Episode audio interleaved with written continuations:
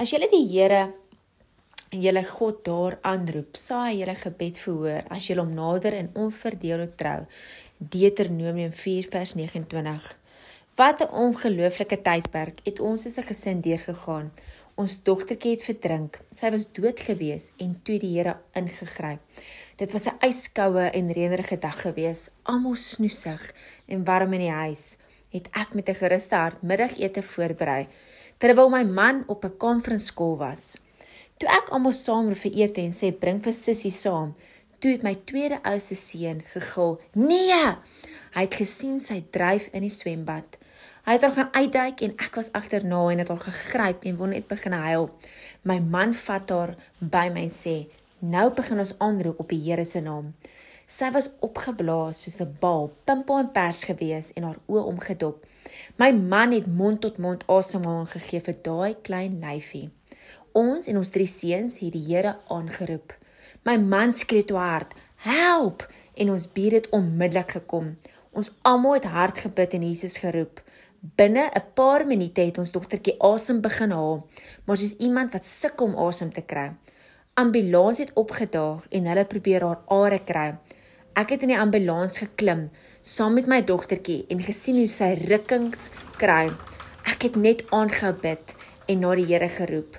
Ons het gery om die helikopter te kry en het gevlieg met haar na die hospitaal. My hart was gebreek in stukke, maar het net vasgehou aan die Here se woord en sy beloftes.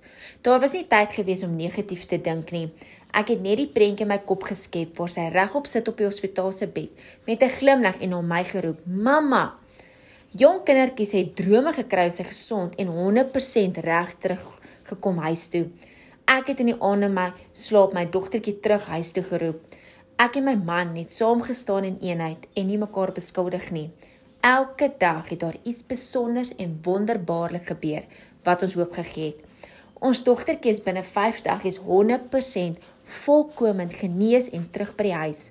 Sy's 'n wonderwerk. Om die Here te soek met jou hele hart, jou hele siel en verstand, sal hy vir jou deurkom. Niks is te groot of onmoontlik vir hom nie. Wat sê God oor ons?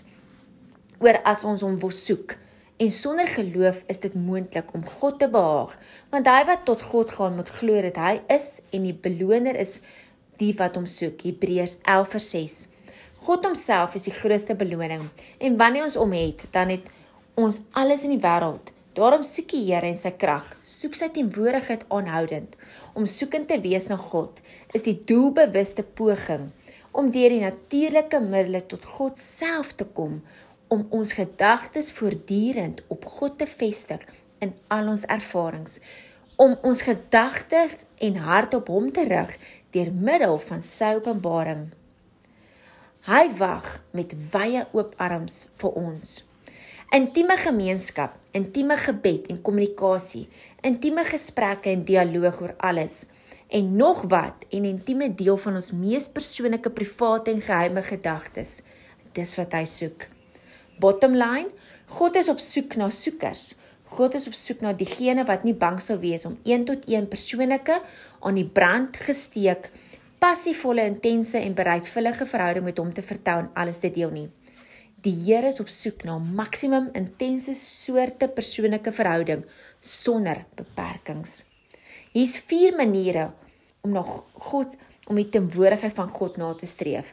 Stel jou prioriteite in orde. Soek sy teenwoordigheid deur gebed. Soek sy teenwoordigheid met nederigheid en soek sy teenwoordigheid deur oorgawe. As ons die Here soek, sal ons die waarheid vind en wat reg is. Daar is een hoofrede waarom die Here soveel moeite gedoen het om ons almal tot homself terug te bring: intieme gemeenskap.